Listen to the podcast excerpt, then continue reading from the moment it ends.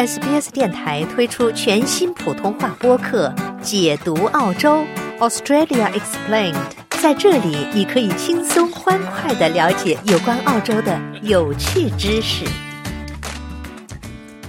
听众朋友们好，欢迎收听 SBS 普通话电台节目，我是记者雨蝶。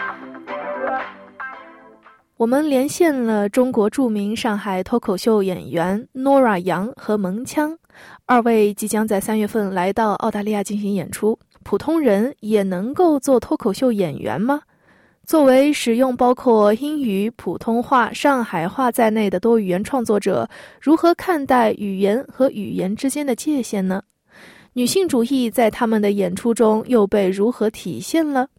一起来听听这场轻松愉悦、笑声不断的对话。好的，今天很高兴能够邀请到蒙枪和 Nora 两位，要不要先给我们听众朋友们介绍一下你们自己？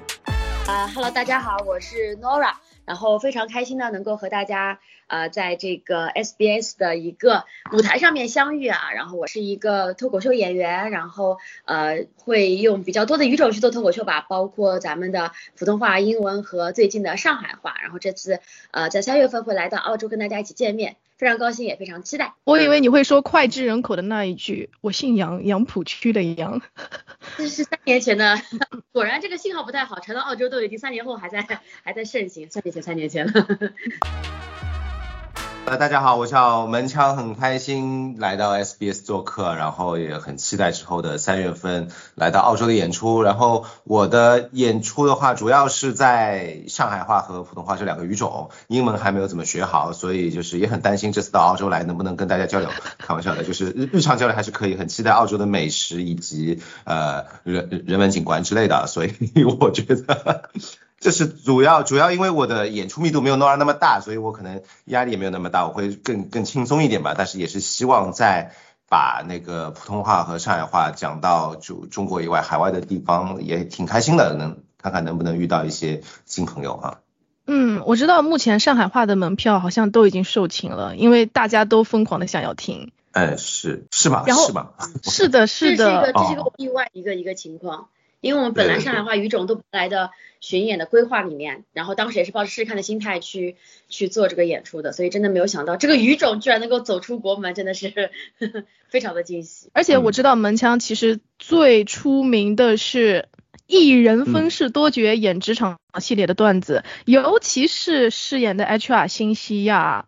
大家都疯狂的喜欢。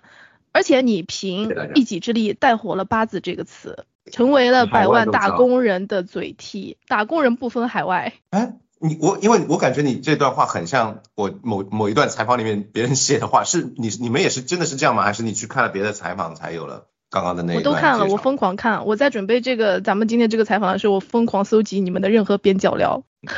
对对，因为所以所以我知道你其你其实已经在很多平台解释过八字是什么意思了。那其实也是因为有很多人不知道八字是什么意思，你介不介意再给我们解释一遍？呃，我不介意，呃，来，我我的段子里面也会给大家解释一下，但是如果现在是这样的一个比较正式的场合，我可能就呃随便瞎胡乱解释一下，然后这样，嗯，八字就是嗯可以理解为一些呃情商低或者有一些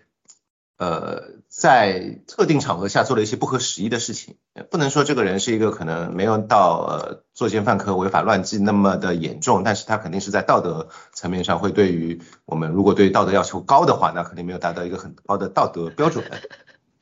在道德边缘不断试探。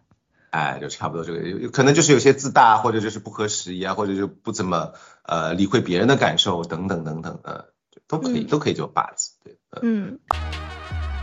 说到艺术嘛，语言是一门艺术啊。二十一日呢是世界母语日，两位都是多语言表演者，不论是普通话、上海话还是说英语，包括我们之前 SBS 采访的喜剧人黄鹤，他也提到过，在说到一些比如说 dating 啊、约会啊，或者说和性主题相关的内容的时候，他更加习惯用英文去说脱口秀。你们会有这样的感觉吗？就比如说，同样是可以流利使用的语言。为什么说在面对脱口秀表达的时候是不一样的感觉呢？嗯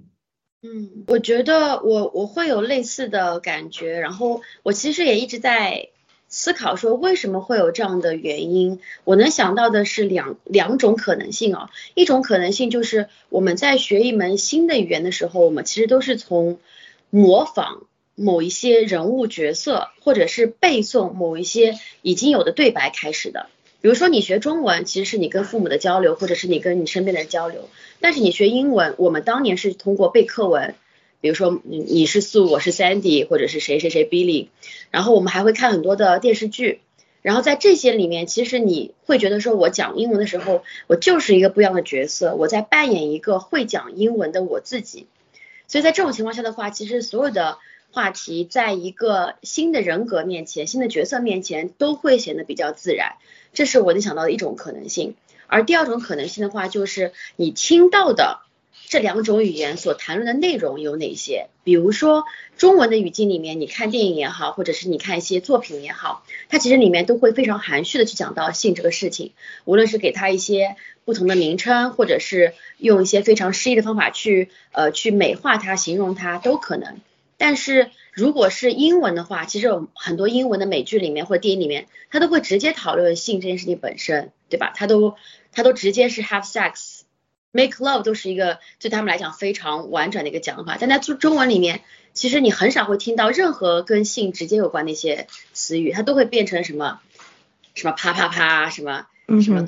事情，就是就是，所以你会觉得说，哦，这就是顺理成章的。那在中文语境里面，你就是应该转弯抹角、拐弯抹角的婉转的去讲这个事情，而在英文里面的话，你就是可以非常直接的。所以一个是不同的人格，第二个是本身语境对这些。呃，话题的宽容度就会让你觉得说你在做这个脱口秀的时候，应该对这些话题用怎么样方法去处理。因为我的话说，嗯，对，Nora 刚刚这个讲的特别有道理，让我产生一个新的角度。但是我自己之前我的感觉是因为我只有两种嘛，一种是上海话，一种是普通话。我去创作的时候，呃，我感觉我在写过去的事情的时候，可能小时候的事情的时候，我更喜欢用。上海话去创作，因为那个时候我可能这样都要讲的，因为那个时候发生那个事情的时候，我们在经历和我们在讲的都是上海话，然后反而就是我现在讲一些职场东西的时候，我创作的思路是通过呃普通话来创作的，因为当时我在职场我在上班的时候，那个工作环境中肯定也都是在大家在讲普通话，嗯，所以可能跟我经历的事件也好，可能跟当时发生那个素材，它周遭的环境也好，我觉得这是有一定的关系。另外一种就是。来源于观众，就是我知道，就是听上海话的观众，他们喜欢听哪些措辞，就是上海话里面叫吃口，就吃口。然后呢，普通话的观众可能他们对哪些呃词语会比较呃敏感，哪些能够就引起他们注意，这个是我会创作之后的另外一种去去修改、去改稿的时候我会去注意的事情。其他我觉得对我来讲可能就是还有这语言逻辑吧，但是这个我。一时半会很难讲清楚，这个可能得我以后表达能力再强一点的时候才能回答这个问题。但现在我没有办法去讲明白，但是我自己就是我的感觉，我觉得就有些事情就是应该用上海话讲，有些事情可能应该用普通话讲，大概这样。嗯嗯，因为观众的文化背景啊、舒适区、禁忌啊、笑点啊都不一样。嗯嗯嗯。那大家这一次来到澳大利亚会有一些不同的特别的段子吗？嗯。嗯，还还没来呢吗？不是，我是你就你肯定是到到到了，对啊，这个。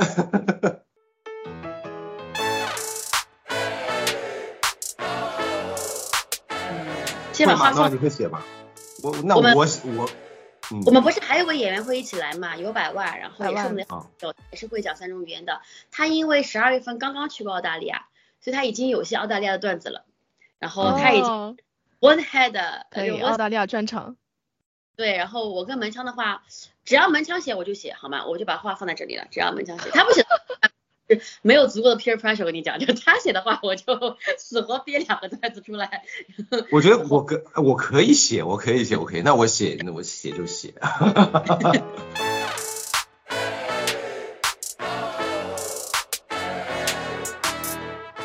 我们来聊一聊你们两个。跟脱口秀的缘分啊，你们你们两位从小就是喜欢幽默或者说幽默的人吗？我们两个从小是在一个小学啊，这么小就认识啦？并没有认识，我们也是最近才发现的。现在我们小就就有了一些搞笑的那个什么氛围在外面，真的很神奇，很巧。对了，上海大概只有两所学校小学吧，然后我们俩就正好在同一。嗯，因为我爸是个挺幽默的人，所以我其实觉得开玩笑是一件很日常的事情，所以我跟我尤其是跟我爸讲话的时候，就非常喜欢开玩笑。然后我爸在学生会的时候，不是家长会的时候，也很喜欢跟老师开玩笑。反正我可能是有些家庭这块氛围在这个样子的，对的。嗯，那门枪呢？我小的时候没有很喜欢幽默，小学的时候没有，还没有到，可能要到初中，我觉得初二、初三，包括到高中的时候才会。呃，就去多接触一些那种喜剧的东西，就一些一些一些周星驰的电影和一些上海本土的一些喜剧，那个时候可能才会比较喜欢搞笑这些东西，嗯。因为我家里人还是比较严肃一点，我觉得。嗯，我知道 Nora 和脱口秀的缘分其实是从一场英文脱口秀上外国演员对中国人的充满刻板印象的段子开始的。但是在我搜集边角料的时候，我并没有发现说这个段子是怎么样的，然后你又是当场怎么样发挥，然后才走到有这个机缘走到今天的，是不是从来没有在任何地方说过？因为那个时候喝醉了，我其实，在所有地方我都告诉他，是因为我喝醉了，所以我不记得我怎么怼回去的了。这段印象是我当时跟我一起去香港看那个演出的朋友告诉我的。他说我反正我应该喝了那天晚上至少三杯鸡尾酒在那个酒吧里，if not more。然后，嗯，然后那个人其实他那个段子也就是很简单的，应该是关于。就是中国人喜欢喝热水这么一个非常简单的刻板印象的段子，然后他就说什么，哎，你是个中国的观众，然后就想跟你讲说脱口秀这只是这只是艺术形式，并不是说我不喜欢中国或怎么怎么样的。然后反正喝点酒之后就怼回去，但是我怼什么真的不记得了，因为我是那种比较容易就是因为情绪气气氛而嗨的人。我朋友就说哇，你讲的太好了，就周围的人在那边。不停的拍手笑，我就说啊，真的吗？大概就这个样子。那门枪呢？是不是在清醒的时刻走上了一条脱口秀的道路？是的，是的，因为当时就是自己比较自大，嗯，我觉得就是可能因为看了一些节目，或者就是一些线下演出，我也看了一点，我觉得好像也没有那么难，我觉得我自己也也挺好笑的。然后正好当时有另外一个老师说你要不要来试试看上海话脱口秀？我说可以啊，我就试试看，就上上台了。但是。呃，效果我觉得比我自己预期的要差一点，但后来就开始知道，哦，这个东西还是得得得得用心去写，还是有一些的那个技术 成分在里面。技术。对对对对对，还是需要一些需要一些专业水平、专业技术的，所以就开开始慢慢去去写。说到专业水平的时候，你为什么笑场？因为我觉得我自己到现在还都。我觉得我自己到现在技术和专业水平，就我一直也跟 Nora 聊，就是我就一直很想去参加那些培训，因为我觉得我自己现技术和专业水平还是有点欠缺的，就是。他现在是完全靠天赋走到了现在专场票一票加上点技巧，真的是，嗯。不是不是，就我自己我自己会看书，但是我不知道我那些方法是不是对的，所以我还是挺挺想要去去去参加一些比较专业老师的 Nora 老师的培训啊等等课堂之类。Nora 老师的培训。些 高级的老师过来给我们，包括我自己一起做 一些高级技师吧，真的学无止境。就每个人的风格以及每个人擅长的他的就是某一块的技巧都不一样，就真正厉害的还是一直在不停的学习。其实我觉得，呃，包括我有知道门腔，你其实不喜欢自己完全被定义成是一个喜剧演员，你更喜欢称自己为内容创作者，对吧？对对，其实你们就是我们刚刚聊到这个，我就特别有感触的是，我平时也会进行一些内容创作，但是是跟幽默无关的东西，就非常悲伤的，嗯，诗歌，就是无论说写作有多少种技巧，它最唯一的技巧就是说，我是用我的灵魂在写作，我是用我的生命在写作。所有的生活经历、灵魂、情绪、情感都在这个写作里了。所以其实聊到生活经历，我知道门腔曾经有一段非常悲惨的生活经历。是是是，对的对的，是的呀。然后这这这这问题是问题是啥？问题是 问题是 就你为什么想要去做这个职场系列呢？是不是因为你在这个职场里面深有体会？当然当然是，这是原因之一啊。另外一个原因就是因为当时不是。自己也是遭遇了失业这个事情嘛，所以就有时间去创作这个惊吓这个系列了。可能我写一集新西亚的脚本可能要要要要要两三天、三四天。那其实我觉得我辞掉本职工作，失业了之后，给我最大的一个，也不能说是优惠或者利益，就可能最大的一个方便吧，就是有时间，有时间了。嗯，然后当然之前的一些职场的工作经验也会对新西亚这个系列的素材会有所帮助，但最后你去。呃，归纳总结出来，把它写成一个脚本去去拍出来的话，还是更多的还得是要要靠一些我去看书，就怎么去编剧，怎么去去去写人物，也是一些技巧，一些技术。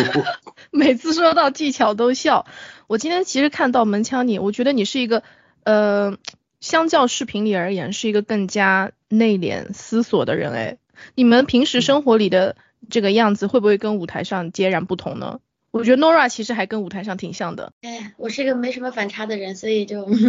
感觉我的上限很有限。因为很多喜剧的大类里面，我们都会看到，就是很多大家他们其实性格相对来讲都比较内向嘛。我之前读了很多什么卓别林之类的、金凯瑞之类的啊，我跟他们不太一样，我就是台上台下基本上都是呵 呵很 ENFP 的人。但是门腔我跟他相处的时候，我也觉得他性性格上面台下会更加的内向一点，就他是那种。他是有成为大家的风格的啦，我只能这样说。哦，没有，我是我 这个人，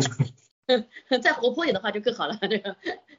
对我我我我首先比较我我我很怕生啊，就是因为可能我不知道 Nora 有没有这种感觉，可其实一我们一开始接触的话，我也是因为不没有熟之前我是不怎么讲话的。另一个方面就是我这个人很容易累，就是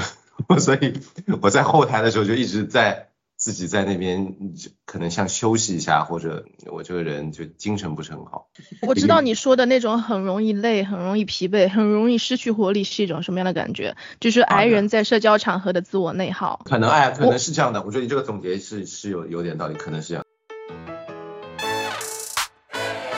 有个说法是，人人都可以上台讲五分钟的单口喜剧。我知道 Nora 的爸爸有做过这件事情。那对一些想要尝试的澳大利亚的听众朋友们，你们有什么经验可以分享吗？比方说跟观众互动的时候，有没有遇到过很棘手、完全不知道如何处理的互动？怎么去解决呢？嗯，那这个 Nora 应该很厉害，这个是他。特别厉害的一点。嗯，其实这是两个问题啊，就一个问题是说遇到棘手的观众该怎么解决，第二个问题是说是不是每个人都可以做脱口秀尝试怎么入门。我先回答前面一个，我觉得前面一个比较的聚焦一点，就是嗯，我在很多场主持的一个经验里面，就是学会两个字，就是要止损。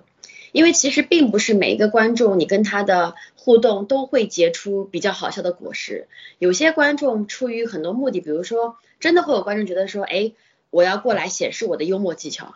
所以他会非常想用一些他觉得很好笑的回答来怼你回去。最常见就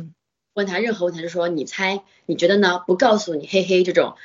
完全没有任何营养的这种也不好笑的回答，而且很多时候是一些插着手的油腻大哥，就这种时候就止损，你就调侃一句，然后换别的人。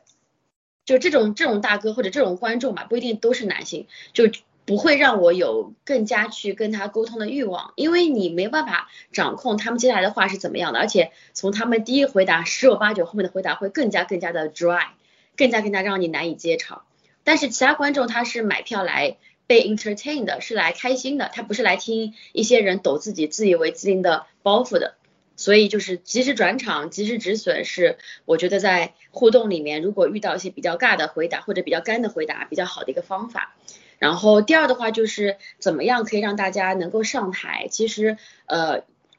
我会收到非常多的朋友来问我的私信，就是那种年轻人，他说我能不能毕业做脱口秀？我的建议都是不要，就还是要先找一份工作，先有自己的生活。像门腔，无论说他过去经历是什么怎么样，但他真的是因为经历给了他非常多创作的一些最基本的素材来源。所以如果你是一个大学生，你刚毕业就立刻投入这个需要。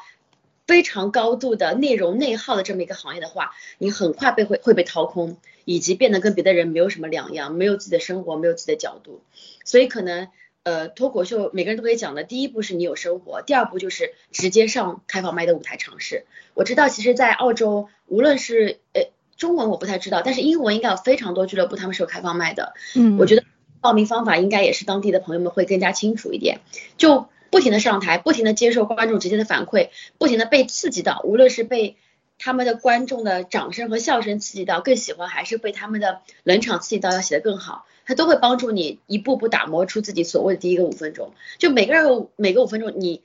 随便讲话，我爸就那个上台五分钟，但是不一定全好笑，可他至少有了上台五分钟经验。如果你要有五分钟非常 solid 的经验的话，那可能是需要你不停的去打磨，不停的去创作，最后才能够形成的一个结晶吧。嗯，门枪呢？你有什么小经验可以分享吗？我觉得，呃，首先就是也是像诺亚讲的两个问题嘛，一个是上台讲五分钟，我觉得讲五分钟这个可能对于我们呃任何人都是比较简单的，第一个五分钟啊，我觉得是可以最快去写出来的，因为可能就是凭直觉或者凭自己去去找一些自己呃过往生活中一些特别不一样的素材吧，我觉得这个都是能找出来。但是我很同意诺亚讲的，就是得。有自己的生活，因为也会有朋友问我，就是我我我要不要做全职脱口秀，我都是直接跟他们说，你先不要全职做脱口秀，尤其是呃在你还不知道自己的水平之前，所以我觉得首先就是要去试啊，先写再试，因为很多啊，我还遇到很多一些，也也也不知道是为什么是男的比较多，他说呃我也可以讲脱口秀，我说你来讲，但是他说我没有稿子，那我就是。可以。他说我有稿子，我就不会讲，我就喜欢自由发挥，我 freestyle 可以很好笑，所以就是大家不要千万不要这样想，freestyle 很好笑的人可能是几千万分之一的人，我不能说这样的人不存在，但是肯定不会是我们，就是，就对了，所以我觉得你不要觉得说啊，我因为我我我也遇到过很多大哥就说啊，你们这写稿子，我没有稿子，我没有稿子就会很好笑，我说不会的，不不可能的。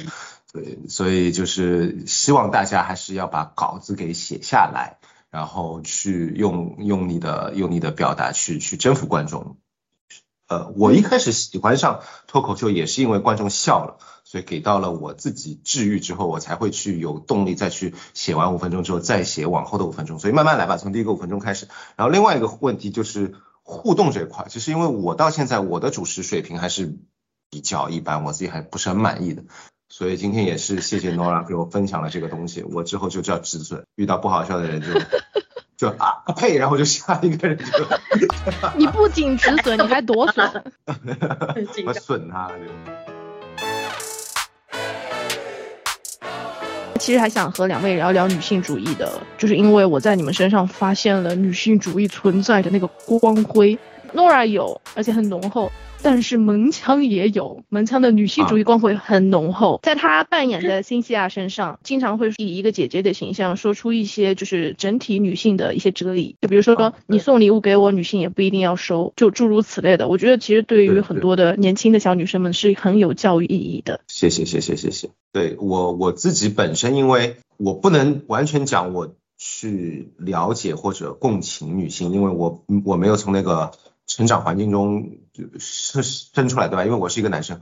但是我很愿意，以及我很特别想要去去去去发现或者看到一些可能女生在。在生活中或者工作中去面对的一些不公平，因为我自己之前做 HR 的时候，我就是能够深刻的、很直观的去体会到这个呃，在很多就业，尤其是在就业环境中对女性的一些不公平的地方存在。所以我觉得我自己本身来讲，我是挺挺讨厌以及挺厌恶这种事情的发生的。所以我觉得如果有机会的话，我还是想要让大家看到呃一些女生在这个社会上所面对的一些。呃，一些不容易也好，或者就是真的是很不公平的一些困境，我是很愿意在我的创作素材中去表达出来的。但是因为如果我通过一个男生的角度去讲，我就会觉得没那么，我讲的没有那么的有说服力或者怎么样，我不知道，我我也找不准那个词语。但是如果说我是从从一个女性的角色里面去讲出来，其实不光是 Cynthia，其实里面这。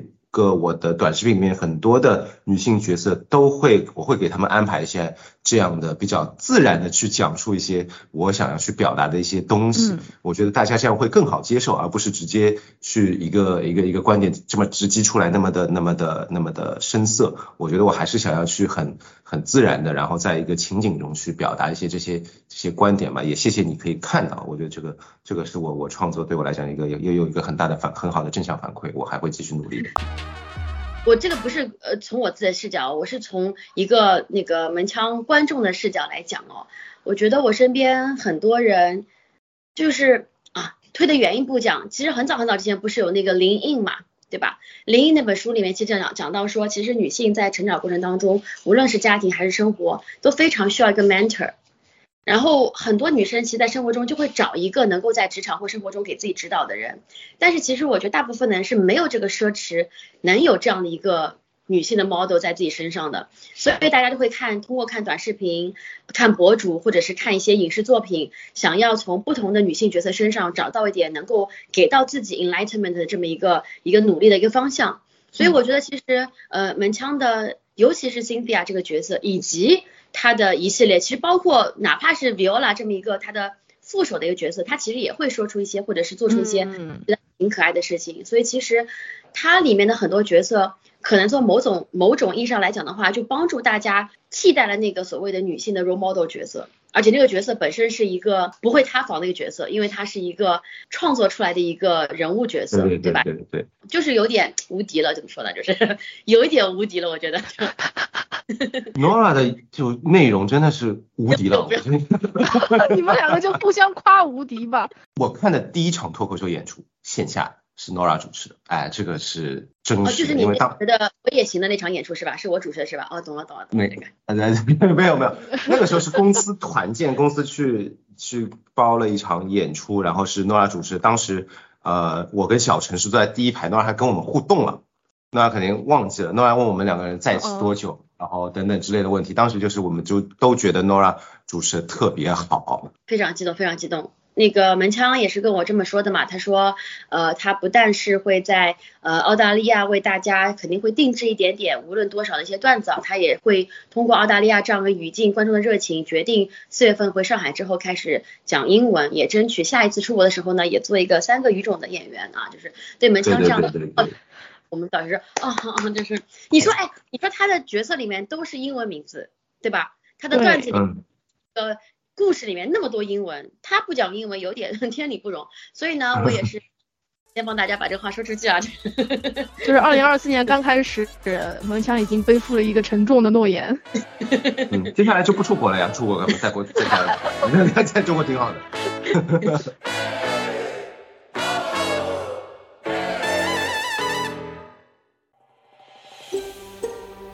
想听到更多这样的故事吗？您可以通过苹果播客、谷歌播客、Spotify 或者您喜爱的方式下载收听。